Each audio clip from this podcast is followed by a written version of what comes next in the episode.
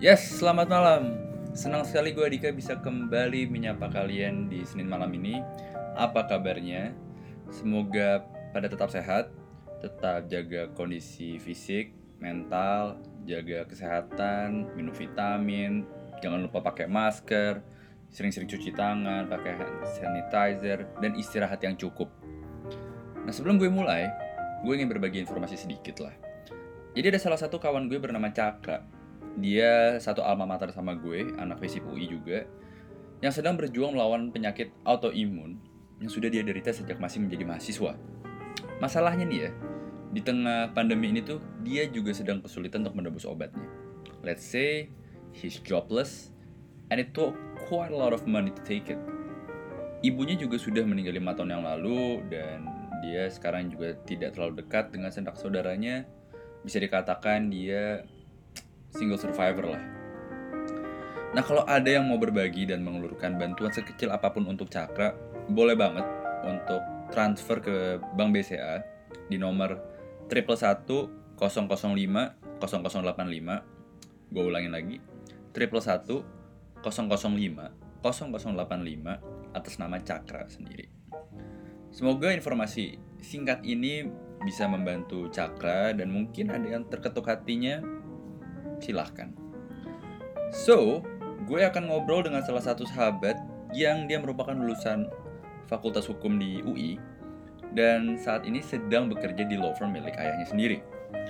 Nah gue nggak tahu ya seberapa banyak anak di luar sana yang bekerja bersama orang tuanya, apa kendalanya, apa keuntungannya.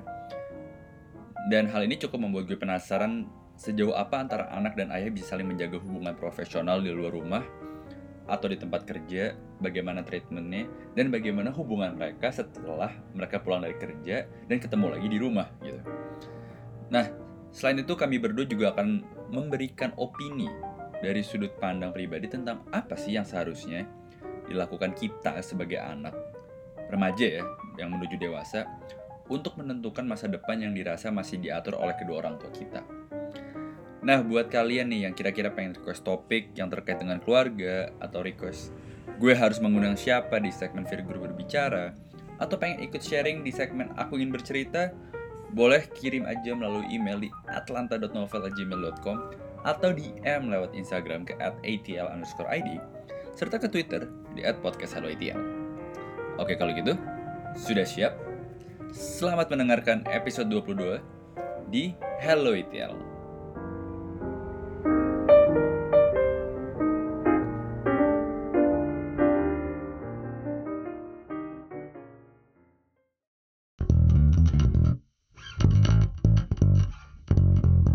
Oke, sekarang gue sudah bersama salah satu sahabat SMA gue yang kita sudah mengenal sejak kelas 1 SMA ya. Iya gak sih? Iya, kelas 1 lah, awal-awal banget Ini ya. adalah Mandy. Mungkin lu boleh memperkenalkan diri kepada para Oh. pendengar. Oke, gue Mandy ya. Hmm, gue currently kerja jadi lawyer. Eh, ini lu lawyernya kalau boleh tahu eh, specifically menghandle kasus apa?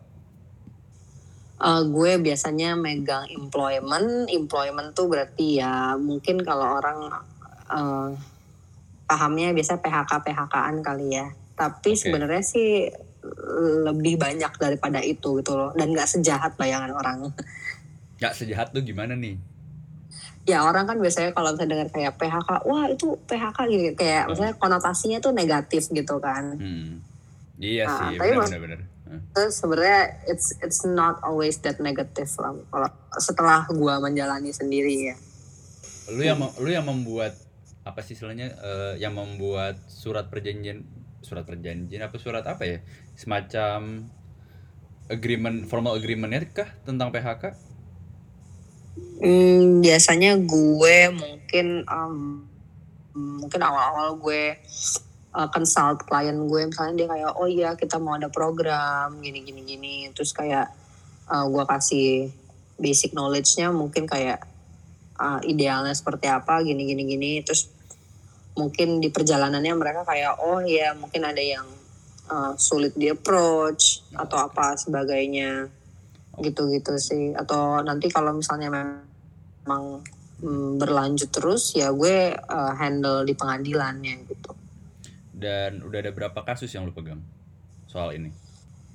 gue personally ya gue personally kalau kak mm, gue kerja di sini tiga tahunan tiga tahunan mungkin setahun gue megang empat atau lima so probably antara 15 sampai 20 lah lumayan. It- itu total ya? Total nih ya dari. ya itu total setahun soalnya kantor gue mungkin kalau di pengadilan ya Hmm. kalau di pengadilan mungkin average-nya lima lima belasan lah setahun Oh, Oke, lumayan sih 15-an setahun ya lah. Saya kasarnya sebulan ada satu atau dua lah ya. iya Oke. Nah, lu kan em, dulu ambil eh, hukum di UI Mhm. dan setahu gue juga keluarga lo rata-rata lawyer juga. Betul Benar kan? Even bokap lu ya? Even bokap lu juga bokap lu justru Iya. punya ini kan, punya law firm kan? iya iya gue gue kerja Dan di lu kerja- bokap gue nah. sekarang Mungkin gue harus nanya dari awal. eh kenapa lo ambil hukum dan apakah memang ini inisiatif lo kah atau ada dorongan dari keluarga untuk ya udah lo ambil hukum aja gitu? Hmm, sebenarnya mungkin kalau dibilang dorongan dari keluarga, hmm, nggak juga sih. Mm-mm. Kayak bokap gue cukup yang kayak ya you do whatever you want to do gitu. Tapi kayak maksudnya ya growing up gue kayak misalnya gue ngeliat bokap gue, ini kayak bokap gue tuh modelnya yang kayak suka sharing tentang kerjaannya gitu loh. Mm-mm. Kayak cerita, misalnya ya ada cerita menarik itu dia tuh sharing gitu. Dia modelnya kayak gitu. Jadi maksudnya gue lumayan inspired juga gitu. Oke. Em, terus ka- kakek gue kan juga dulu hakim jadi sebenarnya ya waktu gue masuk hukum pun gue lebih kepikir untuk jadi hakim sebenarnya sih dibandingin lawyer. Sebenarnya lawyer adalah eh, safe option kali ya gitu kan. Kalau jadi hakim kayak eh, ya susah juga mungkin sebagai cewek ya. Yang kayak gue harus ditempatin di tempat segala macam jauh gitu-gitu. Ah, tunggu, gue kan bukan orang hukum nih ya, nggak punya nggak punya gambaran belajar di hukum. Eh, resikonya setinggi apa sih jadi hakim sebenarnya? Eh tinggi sih ya kalau ya maksudnya menurut cerita orang gitu apalagi kayak kalau lo masih baru gitu kan pertama lo sih habis pelatihan itu belum jadi hakim tapi nanti pas kayak lo udah jadi hakimnya juga lo taruhnya tuh di yang kayak daerah em, terpencil lah Hmm. dan itu juga tergantung kayak kalau kata orang sih ya Hmm. peringkat lo tuh menentukan lo di, Indonesia Barat, Tengah atau Timur gitu loh. Oh. Jadi ya ya lo terbayang aja gitu misalnya lo ditaruh di Sulawesi terus kayak Sulawesinya tuh yang di bahkan lo dari bandara misalnya harus naik mobil dulu berapa jam atau naik boat gitu kan kayak Hmm. Wow gue kayaknya nggak hidup deh kayak lo nggak akan melihat gue di ibu kota gitu kayak gimana caranya gue catch all the flights dan kayak travel time yang begitu lama cuman buat bolak balik ke Jakarta doang gitu kayak Oh, see. ya sebenarnya lebih gitu sih dan maksudnya kalau kalau risk mungkin lo nanya risk ya mungkin kan biasanya kita tahu ya kayak suka ada raja-raja kecil Bener. di tempat-tempat gitu nah itu kan susah ya kayak maksudnya lo mungkin apalagi sebagai orang baru mungkin masih muda dengan idealisme lo ya that's the risk lah Ya, iya sih, ngerti, ngerti. Nah, Iya. em, seingat gue lu setelah lulus dari eh, hukum kan, lu kerja dulu kan? Bener kan di di satu? ya gue jadi gue kerja di bokap gue dulu Oke. selama kurang lebih setahun Hah? habis itu em, karena ada klien yang emang eh, butuh terus kayak minta pinjemin orang gitu nah di situ gue kerja di Nestle Nah. sekitar setahun juga then gue baru balik ke kantor bokap gue ini udah mau jalan ya tahun ini jalan dua tahun lah balik ke kantor bokap gue Waktu lu di Nestle juga di bagian legal. Legal. legal Nah, eh, yang membuat gue penasaran adalah eh, kenapa lu akhirnya memutuskan untuk bekerja bareng bokap? Hmm, kalau objectively Hmm. objectively speaking Hmm. hmm, kantor gue kecil Oke, terus? menurut gue dengan kecil itu gue bisa mendapatkan em, kayak mentorship itu kayak direct gitu loh Dari bokap lu? Mm-mm. Dan Oke. maksudnya kayak ya gue gue juga belum pernah berpengalaman kerja di kantor lain ya, cuma pernah magang gitu. Cuma maksudnya kayak mungkin semakin besar organisasi ya kan, maksudnya layer semakin banyak gitu kan. Betul. Dan jadi ya mungkin banyak batasan kali ya untuk lo ngelakuin sesuatu gitu. Mungkin cuman level tertentu cuma bisa apa misalnya gitu kan. Ya kalau di sini gue gue di kantor cuman in total sama bokap gue lawyernya cuma berenam jadi kayak ya gue harus bisa apa pun itu gitu. Oh. Walaupun gue masih banyak nanya tapi gue harus bisa apa pun itu. Lo adalah tipikal yang selalu nanya ke bokap apa pun itu. Mm, enggak juga tapi gue maksudnya uh, bokap gue akan marah kalau gue cuma nanya doang jadi gue lebih kayak Oh. ngajak discuss gitu kayak maksudnya gue udah baca Heeh. interpretasi gue seperti ini Hmm. what do you think apakah gue udah sesuai dengan haluan yang diimani lah orang oleh kantor gue gitu Iya. ya kan nggak maksudnya gue nggak mungkin ngomong beda dari apa yang bokap gue consult ke orang gitu kan kayak gue representing kantor gue bukan gue sendiri gitu Hmm, oh iya Ya. sih, bener sih. Ya lu membawa Mm-mm. bendera, ya lu mewakili bokap lu juga kan sebenarnya. iya gitu Nah, tapi em, apa suka dukanya lo bekerja buat bokap lu sendiri? Hmm, suka dukanya yang paling bisa biasa gue keluhkan adalah Hmm? eh, antara berantem lo di rumah dan di kantor sama orang tua lo tuh kayak nggak ada batasannya gitu.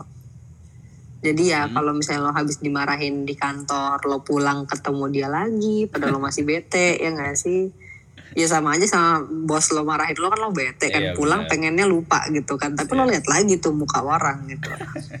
Dan sama aja misalnya lo weekend, misalnya lo baru ada cekcok gitu, Hmm? ya lo ketemu lagi sama itu orang dan kayak lo harus profesional kan jadi kayak Iya, iya. lo nggak boleh yang kayak ah nggak mau ngomong atau nggak mau diajak meeting gitu ya kalau menurut kalau yang paling sering gue ke- keluhkan itu sih Tapi figur bokap tuh em, beda nggak sih ketika dia menjadi bapak lo sama dia menjadi atasan lo atau jadi bos lo? Ehm, kadang ada yang bokap gue di kantor memang orangnya agak kebapaan sih ya kayak Hmm, semua orang diurusin gitu Oke. jadi eh, nggak Iya mungkin treatmentnya orang-orang malah yang hampir mirip sama gue. Tapi maksudnya gue sering di demand yang lebih. Misalnya Hmm? kan kantor gue kecil ya jadi kadang-kadang kalau ter- mau terlalu yang kayak strict juga agak susah gitu. Misalnya orang-orang telat gitu. Nah gue nggak boleh telat gitu. Oh, lu harus jadi role model dong kalau gitu. ah itu dia. Agak ini ya, ada beban gak sih? Jadi, beban jadinya Tapi dengan adanya gitu lu merasa orang-orang maksudnya ya tim lu tuh kayak melihat lu apakah sebagai anak emasnya di kantor bokap lu nggak? Enggak juga sih. Kayak maksudnya gue juga berusaha nempatin diri gue mirip sama mereka gitu loh. Kayak Hmm. kadang um, approach yang gue lakukan adalah Hmm. ya kalau emang itu sesuatu yang pantas untuk seorang karyawan keluhkan tentang bosnya ya gue akan cerita sama mereka aja gitu. Jadi Hmm. biar mereka kayak merasa oh ini anak juga ngerasain yang sama gitu. Oh, Oke. Uh, Oh, oh, biasanya iya. sih biar Diterit- kayak maksudnya ya lo kan pengen diterima juga ya Iya. di lingkungan itu dan gak merasa beda. Hmm. Nah ini Gitu. yang kerja buat bokap lo apakah lo doang atau ada abang-abang lo? Abang gue yang pertama kerja sama bokap gue juga. Dan di trade sama juga. Mm-mm. Tapi kan abang lo jauh udah jauh lebih senior kan? Iya, abang gue udah kerja 10 tahun sekarang kayaknya. Set. Cuman emang kadang-kadang lebih berat di dia sih, tapi karena mungkin emang orangnya juga ada agak-agak agak-agak lebih apa ya drama kali ya dibandingin gue. Oh iya. iya. Buat yang nggak tahu, Mandy ini adalah tipikal cewek yang sangat-sangat ya udahlah. Betul. Lebih ke lebih laki ya, lebih laki dari laki kadang-kadang. Ah, bisa dibilang Bisa begitu. dibilang gitu. Iya, iya, iya betul sih. Ya udahlah aja gue kayak simple aja orangnya kayak nggak usah berat-beratin diri aja gitu ya buat yang nggak kenal Mandy nih ya untuk punya gambaran seperti apa gitu lebih outspoken lah anaknya nah em, ketika lo memutuskan untuk ya sekarang lo sama apa kerja buat bokap lo apakah lo memang punya plan untuk stay sa- kerja buat bokap lo atau lo eh, jangka pendek atau jangka panjang mungkin pindah ke law firm lain atau mungkin pindah ke sa- satu corporate gitu? Kadang gue udah berpikir untuk pindah sih. Tapi mm, malah si pindahnya ini yang nggak untuk jangka panjang. Hmm, pindahnya ini nggak untuk jang oh nggak untuk jangka panjang. Nggak untuk jangka panjang. Maksudnya kayak gue pengen keluar tuh lebih untuk ngedevelop karakter gue Hmm. misalnya atau kayak gue mungkin kalau misalnya lo bilang ah, pindah ke law firm lain gue kan kantor gue cukup spesifik ya biasanya dapat kliennya gitu. Cuman tentang si employment ini. Hmm. kita nggak bukan maunya gitu sih cuman ujung-ujungnya klien mostly yang datang begitu Oh, Oke. ya gue pengen kayak ke tempat lain gue belajar hal lain gitu kan Hmm. dari orang yang mungkin lebih expert di bidang lain Hmm. kadang-kadang terpikir sih kayak gitu cuman Hmm. mungkin ya itu karena gue udah culture-nya udah beda lagi di kantor ini Oh, karena iya. kantornya kecil dan segala macem Hmm. dan gue tahu mungkin di tempat-tempat lain um, discussion dan apa ya mungkin saran dari bawahan juga yang ini nggak ya mungkin nggak terlalu diterima kali ya maksudnya nggak begitulah culture-nya jadi gue juga agak malas gitu Hmm. Dan apakah itu juga yang lo rasakan ketika kerja di Nestle? Hmm, enggak sih kalau waktu di Nestle gue cukup eh di Nestle gue belajar tapi mungkin bukan belajar substansinya bener-bener untuk si kerjaannya tapi lebih beneran si um, development eh, karakter gue nya di kantor gitu Hmm. Dan mungkin karena gue kerjanya employment ya kan Ya. hubungannya erat sama kayak oh, ya workplace gitu Sama work. jadi gue juga ya maksudnya kan kayak lo itu kan situasi kerja ya lo kerja sama orang gitu jadi kayak gue ngerasain oh ternyata jadi karyawan tuh kayak gini ya rasanya gitu loh Tapi kayak ya, oh ternyata tuh workflow di perusahaan tuh antara HR dan Hmm. karyawan tuh seperti ini gitu loh jadi kayak lebih kayak gitunya lah kalau pelajaran yang gue bawa ke kantor sekarang Oh, dan lo ya lo terapkan di sekarang kan, mindset lo sekarang lah. Iya, ya kayak misalnya gue handling case kayak oh biasanya kalau di perusahaan itu Hmm. um, sistemnya seperti ini gitu loh. Jadi kayak gue lebih punya gambaran tentang sistem di sebuah perusahaan gitu. Oh, I see. Uh-uh. Nah, gue mau agak mau shifting ke ke kerjaan lo dulu. Kan lo tadi lo Mhm. bilang lo ngurusin eh, PHK. Mhm. Ini eh, rata-rata mereka yang di PHK nih dari perusahaan apa dan di mana? Hmm, ya kalau di mana Alhamdulillah bisa dibilang kita udah pernah megang dari Sabang sampai Merauke lah.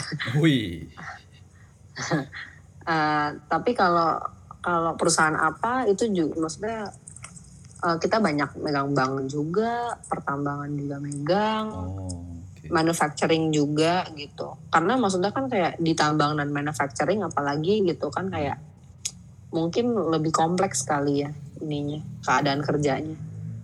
Gue nggak punya bayangan kompleksnya itu kayak gimana tuh? Tapi ya maksudnya kalau kalau dari pengalaman gue itu lebih kompleks ternyata gitu. Keadaan-keadaan kayak gitu.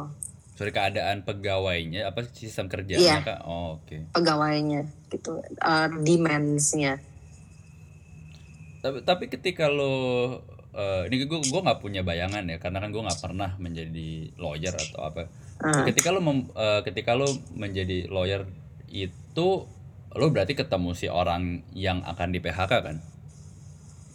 Hmm, Apa enggak?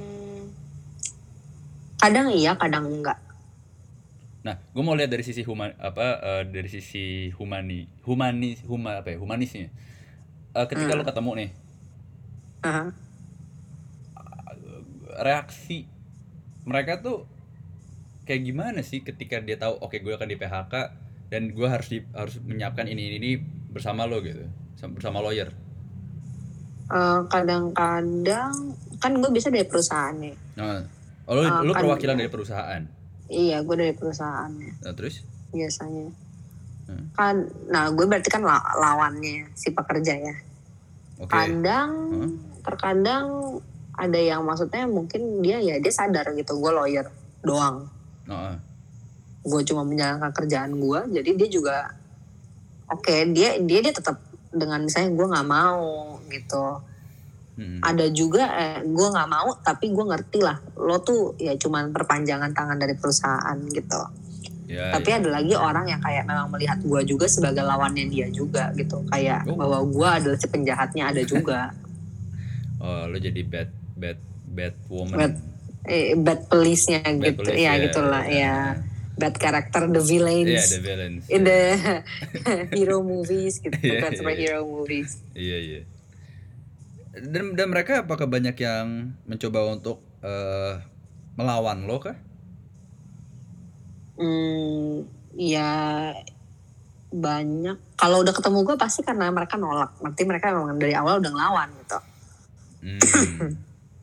Tapi kan Hmm. lu pada akhirnya juga menjelaskan situasi atau dari perspektif perusahaan kan? iya Dan at the end cuman kan ya kalau ya namanya orang kan Iya. situasi hidupnya beda-beda ada misalnya yang mungkin ya mungkin kita kan juga kadang sadar ya udah kerja di tempat, suatu tempat berapa lama Bener. terus kita nggak promote promote jadi kita sadar juga bahwa kayak oh mungkin kita nggak sekompetitif itu juga kalau kita dikeluarin Hmm.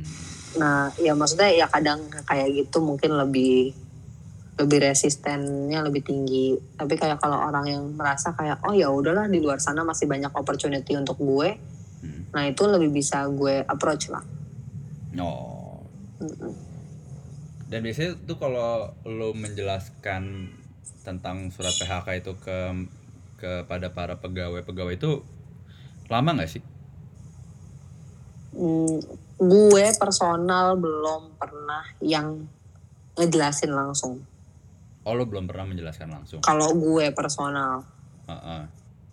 ya gue belum pernah tapi kalau uh, orang lain di kantor gue pernah sih tapi itu juga jarang. Biasanya soalnya em, mungkin perusahaan kan pengennya pekerjanya juga nggak ngerasa langsung kayak kok ada lawyer ya? gitu kan. Hmm. nah jadi biasanya kayak gituan tuh dari HR-nya sendiri yang jelasin belum porsian gue biasanya. Oh, oh Gitu. bukan bukan porsi lo ya. Uh-uh, karena maksud tapi itu tergantung. Kadang ada juga klien yang minta gitu. Karena mungkin orangnya kurang Oh iya, jadi butuh tambahan orang untuk ngedeliver gitu iya ngerti ngerti. Nah, eh gue mau bahas soal lebih ke sisi lo nih, bah dari perspektif lo aja. Eh kelak lo akan menjadi seorang ibu, ya kan? Mhm. Ibu yang ibu ibu lawyer, ibu-ibu lawyer gitu kan. Yang pasti lo akan menangani eh, sejumlah kasus. Ketika lo ntar punya anak, apakah lo akan menerapkan satu mindset bahwa anak lo juga harus didorong untuk seperti lo kah profesinya atau lo akan membebaskan? Hmm, gue akan ngebebasin sih Lo akan membebaskan, tipikal ibu yang Nah. membebaskan pilihannya. karena maksudnya gue cukup sadar bahwa kayak orang kalau dipaksa dan mungkin gue udah pernah beberapa kali ketemu orang dalam hidup gue gitu Hmm. Yang kayak saat hidupnya terlalu diatur sampai dia tuh nggak tahu apa yang dia pengen dalam hidup dan gue nggak mau anak gue kayak gitu Berarti lo ya, ya oke. Gue gue gak ngerti, gue ngerti. Iya, itu itu bener-bener. Karena banyak banyak anak yang masih merasa masa depannya diatur sama orang tuanya gak sih? Iya gitu kan dan maksudnya ya saat lo ngelakuin hal-hal yang lo nggak enjoy gitu kan kayak akhirnya kayak apa ya cahaya dalam hidup lo tuh meredup akhirnya lo tuh nggak pengen apa-apa Oh. gitu loh Cahaya dalam apa? Tadi? ya ngerti gak sih lo apa apa ya kayak the lights in your life Eh, dims karena kayak lo udah Iya. kebiasaan di dimati ditutup sama orang gitu loh keinginan lo gitu misalnya mm, mm, mm. mungkin dimulainya dari anak gue mau masuk sekolah apa terus kayak gue dengan pokoknya gue nggak mikirin kata dia apa terus gue bilang ya enggak lu sekolahnya di sini gitu kan. Terus dia kayak Iya. oh berarti gue nggak bisa ngarep nih misalnya gue sekolah di mana ya nggak? Habis itu Mm. mungkin dia masuk kuliah. Terus dia kayak maunya masuk ini gue kayak enggak lo masuknya ini. Terus dia lama-lama udah kebiasaan untuk nggak mikir. Benar-benar dan nggak mengharapkan sesuatu bisa tercapai sesuai keinginan dia gitu. Gue nggak mau kayak gitu. Benar-benar gue gue setuju sih. Karena yang ada malah anak juga nggak bisa belajar bertanggung jawab sama pilihannya kan? Iya gitu kan kayak saat saat dia gagal dengan itu kayak ya kan aku udah bilang aku nggak mau ini gitu kan kayak. Iya ya benar. susah gitu. Bener bener bener gue setuju. Jadi jadi lo adalah ibu yang akan membebaskan anak-anaknya nanti. Ya udah lo milih apa deh gitu. Bebas bertanggung jawab. Bebas bertanggung ya ya bebas bertanggung bebas tapi underline bertanggung jawab ya Ih jangan nanti kalau gagal minta duit sama gue juga gitu kan. Padahal ntar emaknya kan lawyer kan oh banyak duitnya. Ntar tiba-tiba anak lo kayak mama ada lagi ada kasus apa? Berapa? Aku mau minta uang. Iya. gitu. Enak aja lo gitu. Kan. mama PS6 udah keluar gitu. Eh eh, intermezzo sedikit. Eh main ini eh, suka main PS li- main PS 5 lagi PS 5 belum keluar. Suka main PS Hmm. lu lagi main game PS apa men gue lagi main lagi GTA online. Oh lu gila lu main GTA iya. PS4 PS4 PS4 gue sebenarnya baru beli PS lagi pas habis lebaran. Jadi gue baru punya PS4 dalam se- sebulan ini? Iya. Itu atas dasar motivasi apa lu punya PS4 baru beli PS4 sorry waktu waktu malam takbiran gue ke rumah teman gue terus dia lagi main GTA online. Terus gue kayak wow seru banget gitu kan kayak Heeh. kayak dunianya udah lebih seru lagi gitu loh daripada zaman dulu. Terus gue kayak ya dulu gue beli PS toh kayaknya masih P- PSBB masih lama deh gue pikirnya gitu. Anaknya easy, easy peasy banget langsung dapet tek PS gitu ya. Ya udah. Udah gitu ya nih main ini ada jadwal main PS lagi betul gila gila jadi lo main GTA online tuh seharian apa gimana Iya pulang kerja misalnya gue langsung janjian sama temen gue yang biasa gue main kayak eh jam segini kita main gitu.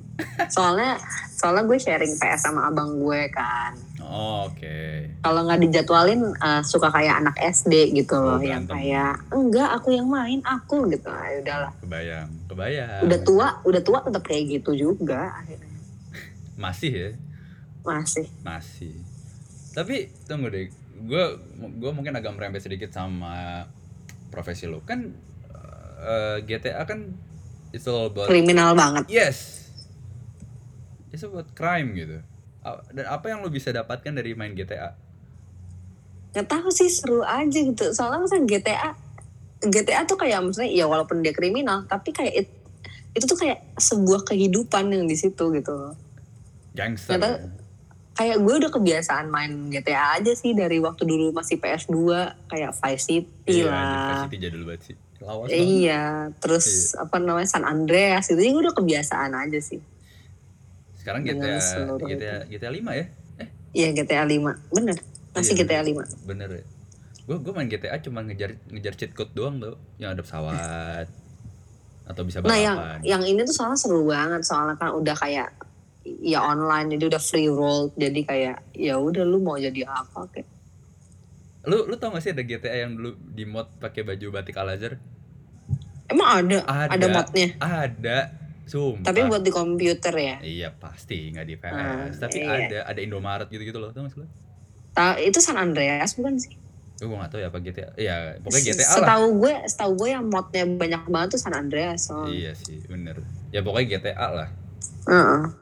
Eh, men sebagai penutup nih, lu ada nggak sih pesan atau saran buat anak-anak yang mungkin masih berada dalam posisi di mana anaknya punya keinginan atau cita-citanya sendiri, tetapi orang tuanya mungkin masih bersikeras untuk menentukan masa depannya mereka.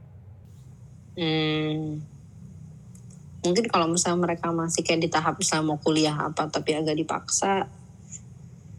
eh gue rasa mungkin kalau yang di level umur segitu orang tuanya udah nggak separah orang tua yang angkatan kita kali ya tapi ya Mm. just talk it out lah maksudnya kayak ya sampein aja gitu loh kayak dan maksudnya kalau kalaupun akhirnya nggak bisa nembus kadang tuh apa ya mindset lo yang yang pengen ngelawan itu loh yang bikin semua jadi nggak nggak enak dijalanin Mungkin apakah karena anak-anak ini udah ter- terlanjur jiper kali sama orang tuanya?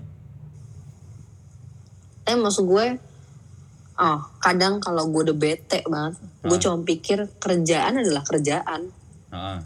bukan berarti saat lo milih jalan lo sendiri itu kerjaan bakal lebih baik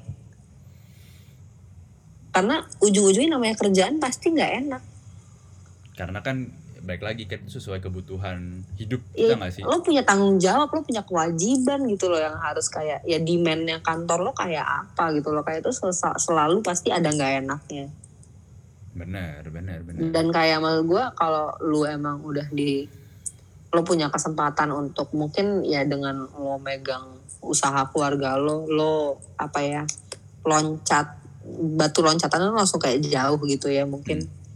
Dan kayak lo langsung dikasih tek tek tek tek tek yang banyak gitu. Ya mungkin it's it's not kayak nggak seburuk itu sih sebenarnya.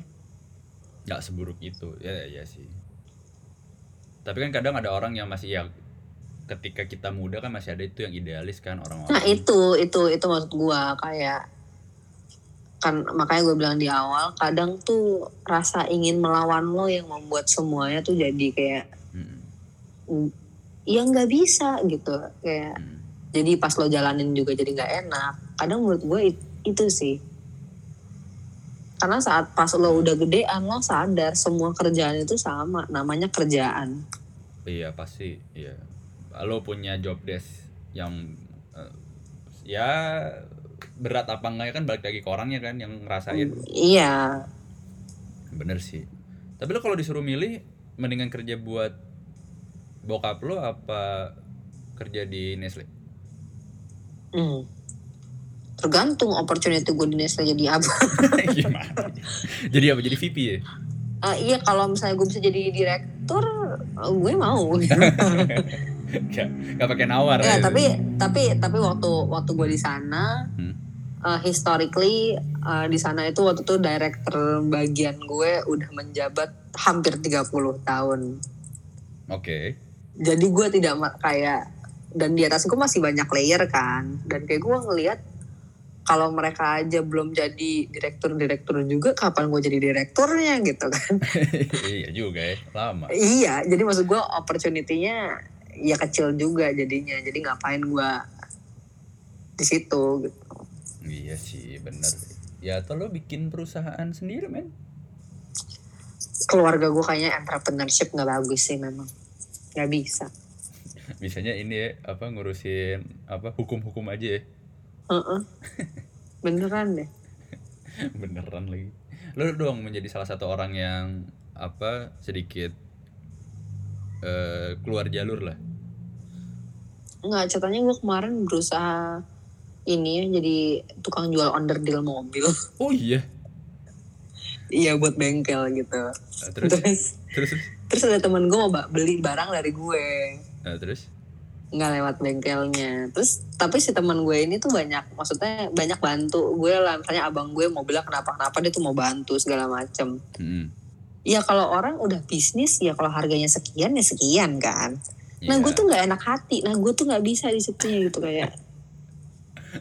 Gue nggak bisa bilang sama lo dik harganya satu juta. Padahal misalnya gue beli mungkin empat ratus ribu. Gue Oh. nggak bisa bilang sama lo harganya satu juta. Jadi lo akan bilang 400.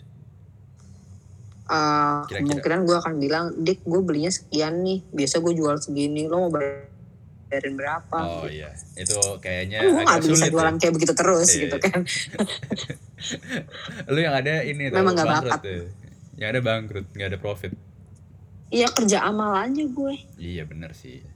Oke lah kalau begitu terima kasih men sudah bersedia gua ganggu waktunya untuk thank you mau mendengarkan cerita cerita gue ya gue sangat senang mendengarkan cerita lo ada inilah dapat mindset baru lah karena kan Mhm. kasus anak bekerja sama orang tua tuh yang gue dapatkan biasanya kan either ada konflik atau memang nyaman-nyaman aja. Tapi gue juga pengen lihat beyond dari secara teknis lu bekerja tuh seperti apa perasaannya itu aja sih. Mhm. gitu. Dan lu ada salah satu yang alhamdulillah berhasil gue hubungi. Ya jadi karena masih banyak sebenarnya kayak gue tahu masih banyak orang yang bekerja untuk orang tuanya tapi kok rasanya yang gue kenal baik tuh cuman lu doang gitu. Gitu. Ya, thank eh, sama-sama gue bisa memberikan lo insight-insight yang baru. Mm-mm, betul. Pokoknya yang ini yang pasti episode ini juga berguna buat mereka-mereka yang mendengarkan dan mungkin masih galau kali ya apakah dia harus melangkah dengan sendirinya atau mungkin masih menuruti kemauan orang tua ya enggak Iya. oke men kalau gitu terima kasih Oke, Dik. Thank you juga. selamat beristirahat You too. bye Bye-bye.